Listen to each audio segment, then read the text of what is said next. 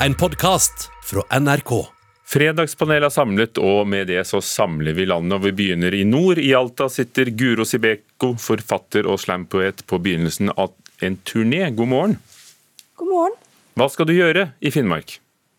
Eh, Jeg skal eh, inch korona eh, få lov til å besøke mange både videregående skoler og ungdomsskoler eh, med en eh, produksjon bygd på boka mi 'Rasismens politikk'. Rasismens det- jeg, har Rasismens ikke, jeg, har, jeg har ikke vært på turné på et år. Eh, Og jeg pleier å være på turné halve året. Nå Jeg er, starter årets turné. Velkommen også til Karin Kristine Blågestad, kulturredaktør i Fedrelandsvennen med fra Kristiansand. Tusen takk for det. Og Knut Olav Åmås, direktør i stiftelsen Fritt Ord, som sitter i Oslo. God morgen. Første spørsmål. Britiske prins Harry og Meghan, hertugen og hertuginnen av Sussex, har gitt sitt første store intervju sammen etter at de flyttet til California, USA. Og det gjorde de hos dronningen av talkshow, Oprah Winfrey. So, were you thinking of harming yourself? Were you having suicidal thoughts? Yes, this was very, very clear. Har Oprah Winfrey gjort en god jobb? Ja eller nei, Guro Sibeko? Ja, men det var jo fryktelig dårlig timing. Karin Kristine Blågestad? Eh, Nei. Knut Olav Åmås? Nei. Dette er altså en verdensberømt, verdens mest kjente intervjuer på TV. Hva har hun gjort feil, Knut Olav? Eh, I det klippet som vi hørte nå, så hørte jeg hun sa Da Megan svarte, så svarte Oprah Winfrey 'wow'. Altså, eh, man må være kritisk til eh, kritikere også. Det er ikke sikkert dette, dette eh, hertugparet er, er de største ofre i forhold til eh, kongehuset. Eh, De fikk snakke så fritt i to timer. Og kom med masse påstander som det er vanskelig å belegge eller vanskelig å forsvare seg mot.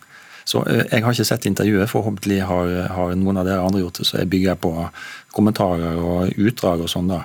Men og Dem har det vært rikelig av. Intervjuet ble sendt på TV3 i Norge sist eh, mandag. Eh, eh, Karin Kristine Blågestad?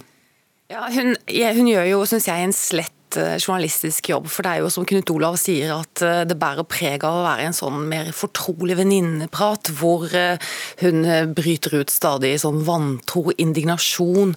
eh, Og det mangler oppfølgende spørsmål, og det mangler distanse og kritikk. På den annen side så har du jo gjort en, en fantastisk god jobb, fordi det har jo vært en enorm interesse for dette intervjuet. Så kommersielt, eh, og eh, hvis en skal måle det å slå igjennom, så har det jo vært en kjempesuksess. Men som eh, målt på journalistikk, så holder det ikke mål, da holder det ikke vann. Det er jo et eh, godt betalt eh, show. Så det er jo heller ikke noe skup. Hun har jo betalt eh, flerfoldige millioner for å få disse to i tale. Guro Sibeko, du, eh, du sa det var dårlig timing, men å dømme etter oppmerksomheten, så virker det jo som om som det var midt i blinken. Det er jo derfor jeg mener det er dårlig timing. da. Altså, eh, Å gjøre det intervjuet på 7. mars og hele kvinnedagen drukna i det, det var veldig dårlig gjort og bra. Eh, Men sånn unntatt det, så er jeg rent ut imponert. Men det er jo tydelig at vi som sitter i panelet her har litt ulik oppfatning av hva som er jobben til Oprah Winfrey. Eh, Fordi eh, det hun har fått til, er jo å få det til å fremstå som nyhetsverdig at den britiske kongefamilien er opptatt av rase og klasse og har lite omsorg for folk. Eh, og det er bra jobba, liksom. Det er jo ingenting her vi ikke veit, og det er ingenting her som, som jo andre påpeker også, som blir bevist på noen måte. Sånn at Det kommer jo ikke fram noe nytt i det intervjuet, annet enn at et overklassepar tror de venter en jentebaby. Det er jo veldig kjedelig. Og så havner det på forsidene over hele verden. Respekt. Ja, men altså To timer. Eh, Oprah Winfrey var gjest i, i bryllupet til eh, dette paret, så jeg er enig med Karen Kristine Blågestad. Det, det framstår mest av alt som en uh, åpenhjertig venninneprat. Så mange oppfølgingsspørsmål som, eh, som burde vært stilt. Altså, Man må være kritisk eh, også når noen kommer med kritikk. og, og manøvrere seg inn i en eh, offerrolle. En sånn offerrolle som dette hertugparet inntar, er også en veldig mektig rolle. Uansett eh, hvem som har rett. Jeg Jeg syns jo det er en oppgave for en uh, TV-stjerne som uh, Winfrey å prøve å bringe litt sannhet til bordet. Og det eh, vet jo vi ingenting om hun har gjort nå. og hun har kanskje fortegnet, eller det intervjuet har fortegnet et bilde, eller sementert et bilde, eller en forestilling som man kanskje har. Men nå har vi bare igjen hørt én aktør uttale seg, og det er jo komplisert med det britiske kongehuset at de har en sånn lav profil. De kommenterer det ikke, så vi, vi vet jo egentlig ikke noen ting om hva slags samtale de har hatt i det britiske kongehuset, og hvordan de opptrer eller tenker eller føler om klasse og ras og alt dette. Det, det syns jeg i hvert fall er veldig vanskelig å si noe om, og jeg syns ikke at dette intervjuet eh, kan bringe oss nærmere sannheten sånn uten videre. Sibeko, kommersiell suksess, men var det konstitusjonelt viktig, tror du? Altså disse spørsmålene som, som de tok opp, og som har uh, sendt uh, sjokkbølger i, i, Storbritannia. Om rasisme i kongehuset, som prins William benektet uh, i går da han møtte en skoleklasse, at vi er overhodet ikke en rasistisk familie, f.eks. Men kan det likevel være ting der som gjør at det blir et vendepunkt for, for Windsorene? Nei, det tviler jeg på. Det, det, det, tror jeg ikke. Så, altså, som vi jo alle er enige om, liksom. Dette var ikke godt journalistisk arbeid. Men du er på turné med en bok om rasisme. Her har du altså eh, en av verdens mest kjente personer fordi hun, hun giftet seg med, med den britiske prinsen som tar opp rasisme. Er ikke det superviktig da, for deg? Eh, nei. Eh, som sagt, da. Altså, vi, vi snakker altså en kongefamilie eh, som eh, står liksom ansvarlig eller altså Ikke det at de menneskene som lever i den familien i dag nødvendigvis står ansvarlig for alt sammen, men vi, vi snakker altså en institusjon eh, som har liksom vært lederne for det britiske imperiet.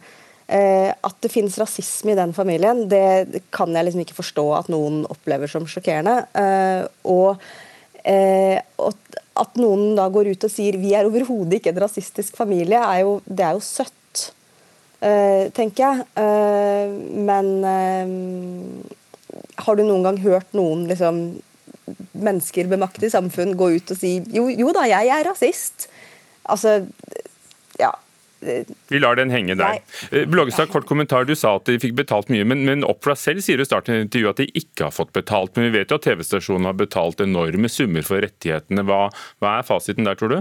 Nei det, nei det, vet jeg ikke. Jeg har bare lest at de betalte veldig mange millioner for å få tilgang til det intervjuet. Ja. Så jeg vet ikke. Vi lar pengefolka ta seg av det, og ja. hopper videre til neste spørsmål her i Fredagspanelet Nyhetsmorgen. I Nederland har forfatter Marikke Lucas Reinwelt trukket seg fra oppdraget med å oversette og gjendikte Amanda Gorman. We've learned that quiet isn't always peace. In the norms and notions of what just is, isn't always just is. Amanda Gorman, som i sin knallgule drakt ble verdenskjent da hun leste for Joe Biden da han ble president i USA. Reinfeldt er selv ung og har suksess, og det var Gorman som valgte hen. og Likevel trekker hun seg. Og Jeg sier hen fordi Marieke Lucas, det hører vi på navnet, eh, omtaler seg selv både som ham og henne. Eh, og Det gjorde, gjorde hen etter at forlaget fikk kritikk for ikke å bruke en svart forfatter til oppdraget, siden Gorman er nettopp afrikansk-amerikansk. Spiller det noen rolle hvem oversetteren er, så lenge de kan faget sitt? Knut Olav Åmås? Nei, vanligvis ikke. Karin Kristine Blågestad? Ja, her mener jeg veldig sterkt nei. Guro Sibeko? Hvem oversetteren er, kan spille en rolle for om oversetteren kan den delen av faget som er nødvendig for en spesifikk oversettelse. Ikke relatert til akkurat denne saken, men sånn generelt. Sånn generelt, Men fortsett, fortsett her, da. Uh, var det riktig av uh, Amerike Lucas Reinfeldt å, å, å, trekke seg? Amanda Gorman hadde jo pekt på henne fordi hun også var en ung forfatter som hadde fått mye oppmerksomhet og blitt en sterk stemme i Nederland. Uh, jeg tenker at jeg vil ikke kritisere henne for å ha trukket seg. Det, det kan jeg ikke gjøre. Vi snakker altså om et, et ungt litterært stjerneskudd her eh, som kanskje trakk seg fordi at hen ikke hadde lyst til å stå i en storm, og det må man på en måte bare ha respekt for. Eh, det kan jo også hende at hen trakk seg fordi at hen tenkte at eh, kanskje jeg ikke har den kompetansen som skal til. Eh, det vet jeg ingenting om. Eh, det er også en, eh, del av kritikken handler jo også om at hen ikke er slampoet. og det kan jo faktisk være relevant. da. Eh, men så er det også sånn at gode oversettere kan mer enn språk. De kan kontekst, de kan samfunn, de kan finne sjela i en tekst liksom, og gjenskape den på et nytt språk i en ny kontekst for et nytt samfunn. Altså, det er jo magisk, ikke sant? Og vi kan jo ikke alle andre. kontekster like godt og sånn. Knut Olav eh, Åmås, eh, ja, kanskje er det den erfaringen med å, med å føle at du er både mann og kvinne som kunne vært en parallell til å, å være ung og svart i USA? Ja, det kan jo tenkes. Så det framstår som en eh, litt eh, absurd sak. eh, Spesielt fordi Amanda Gorman eh, selv ville ha den oversetteren, og tydeligvis hadde tillit til, eh, til henne. Og, og jeg spør meg også selv, altså Hele samfunnet vårt bygger på en forutsetning om at vi eh, kan forstå hverandre, eller prøve å forstå hverandre. Og, og, så hvorfor skal akkurat etnisitet være den avgjørende faktoren her, eh, da oversetteren ble mobba bort fra, fra jobben? Eh, altså, det samme skjedde i Catalonia. ja, eh, der, overs eh, der ble oversetteren droppa av forlaget. da. Men altså, det er andre faktorer som eh, må spille inn eh, hvis vi først ikke tror på at vi kan prøve å forstå hverandre selv om vi er forskjellige. Da er det kjønn og geografi og alder og sosial klasse. Ikke sant? Eh, Så det, det blir en eh, ganske vanskelig eh, verden å manøvrere i. Det, det blir veldig mye irrasjonelle hindre for at vi kan forstå hverandre. Blågestad. Ja, dette syns jeg er så ødeleggende. Eh, Jeg syns det er forferdelig trist hvis kulturlivet og kunstlivet skal være med på å akseptere en identitetspolitikk som vi har sett eh, bre om seg litt i opinionen og i politikken. Nettopp eh, kultur- og kunstfeltet syns jo jeg skal ha en stor og bred samtale som er inkluderende og raus, og den skal ikke være bestemt av bakgrunn, av klasse, av økonomi, av farge eller av sex. Det skal ikke være avgjørende hvem du er eh, for hva du kan si, eller hva du, hva du er kvalifisert til å si, eller er diskreditert fra å si i eh, ordskiftet. Så jeg syns dette er eh, å si ja takk til å sementere en identitetspolitikk som jeg syns er kjempeviktig at nettopp kulturlivet demmer opp for i vår tid, for å bruke litt eh, store ord. Sånn helt kort, Guro, siden du selv er slampoet og sånn ganske, ganske ung fremdeles, vil det bety noe for deg om din oversetter til amerikansk eller nederlandsk var svart eller ikke? Nei, overhodet ikke, men det ville betydd noe eh, at den oversetteren kjenner eh, den subkulturen eh, og den eh, altså Vi snakker både dialekter, sosiolekter og multietnolekter. Eh, på både mitt språk og på det språket det skal oversettes til.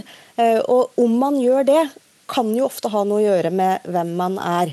Eh, Men jeg vet ingenting om Reinfeldt faktisk har den kompetansen. Jeg antar at Reinfeldt har den kompetansen, siden Gorman har valgt Vi kan jo høre om Amanda, Amanda Gorman kan oversette deg til amerikansk, da. Men Det tar vi etter hvert. Eh, Vi har spart den minste tiden til det siste spørsmålet, som vanlig. Det er ikke på hyttefronten at arkitekturen har vært mest spenstig her i landet, og det vil kunstner Vebjørn Sand gjøre noe med. Og han satser på å tegne hytter, og har flere ferdighytter for salg. Ja, jeg tror at vi kunstnere eh, kan tenke annerledes og friere enn mange arkitekter. Mitt mål har vært å lage de vakreste og mest eventyrlige hyttene jeg kan tenke meg. Er det på tide at kunstnerne gir Hytte-Norge et nytt uttrykk? Karin Kristine Blågestad, Ja, Guro, Ja. Knut Olav. Ja, takk. Vel bekomme, sett i gang, Knut Olav. Altså, eh, Norsk hyttearkitektur er så konservativ og konform eh, at, at en får sjøl modernistiske eh, boligprosjekter på Ensjø og, og, og Sørenga til å virke sprelske og, og spennende. Altså, Det er mørkt tømmer, og det er torv på taket. Og, og Enkelte av de store hyttekommunene er så strenge at de ikke tillater noe annet. Så her trengs det nyutvikling i eh, hyttearkitekturen. og Jeg er ikke sikker på om jeg liker de jeg har sett, uh, bildene jeg har sett av skissene til Sand, men han skal ha honnør bare for forsøket. Håper, håper noen er interessert, for her trengs det nytenkning.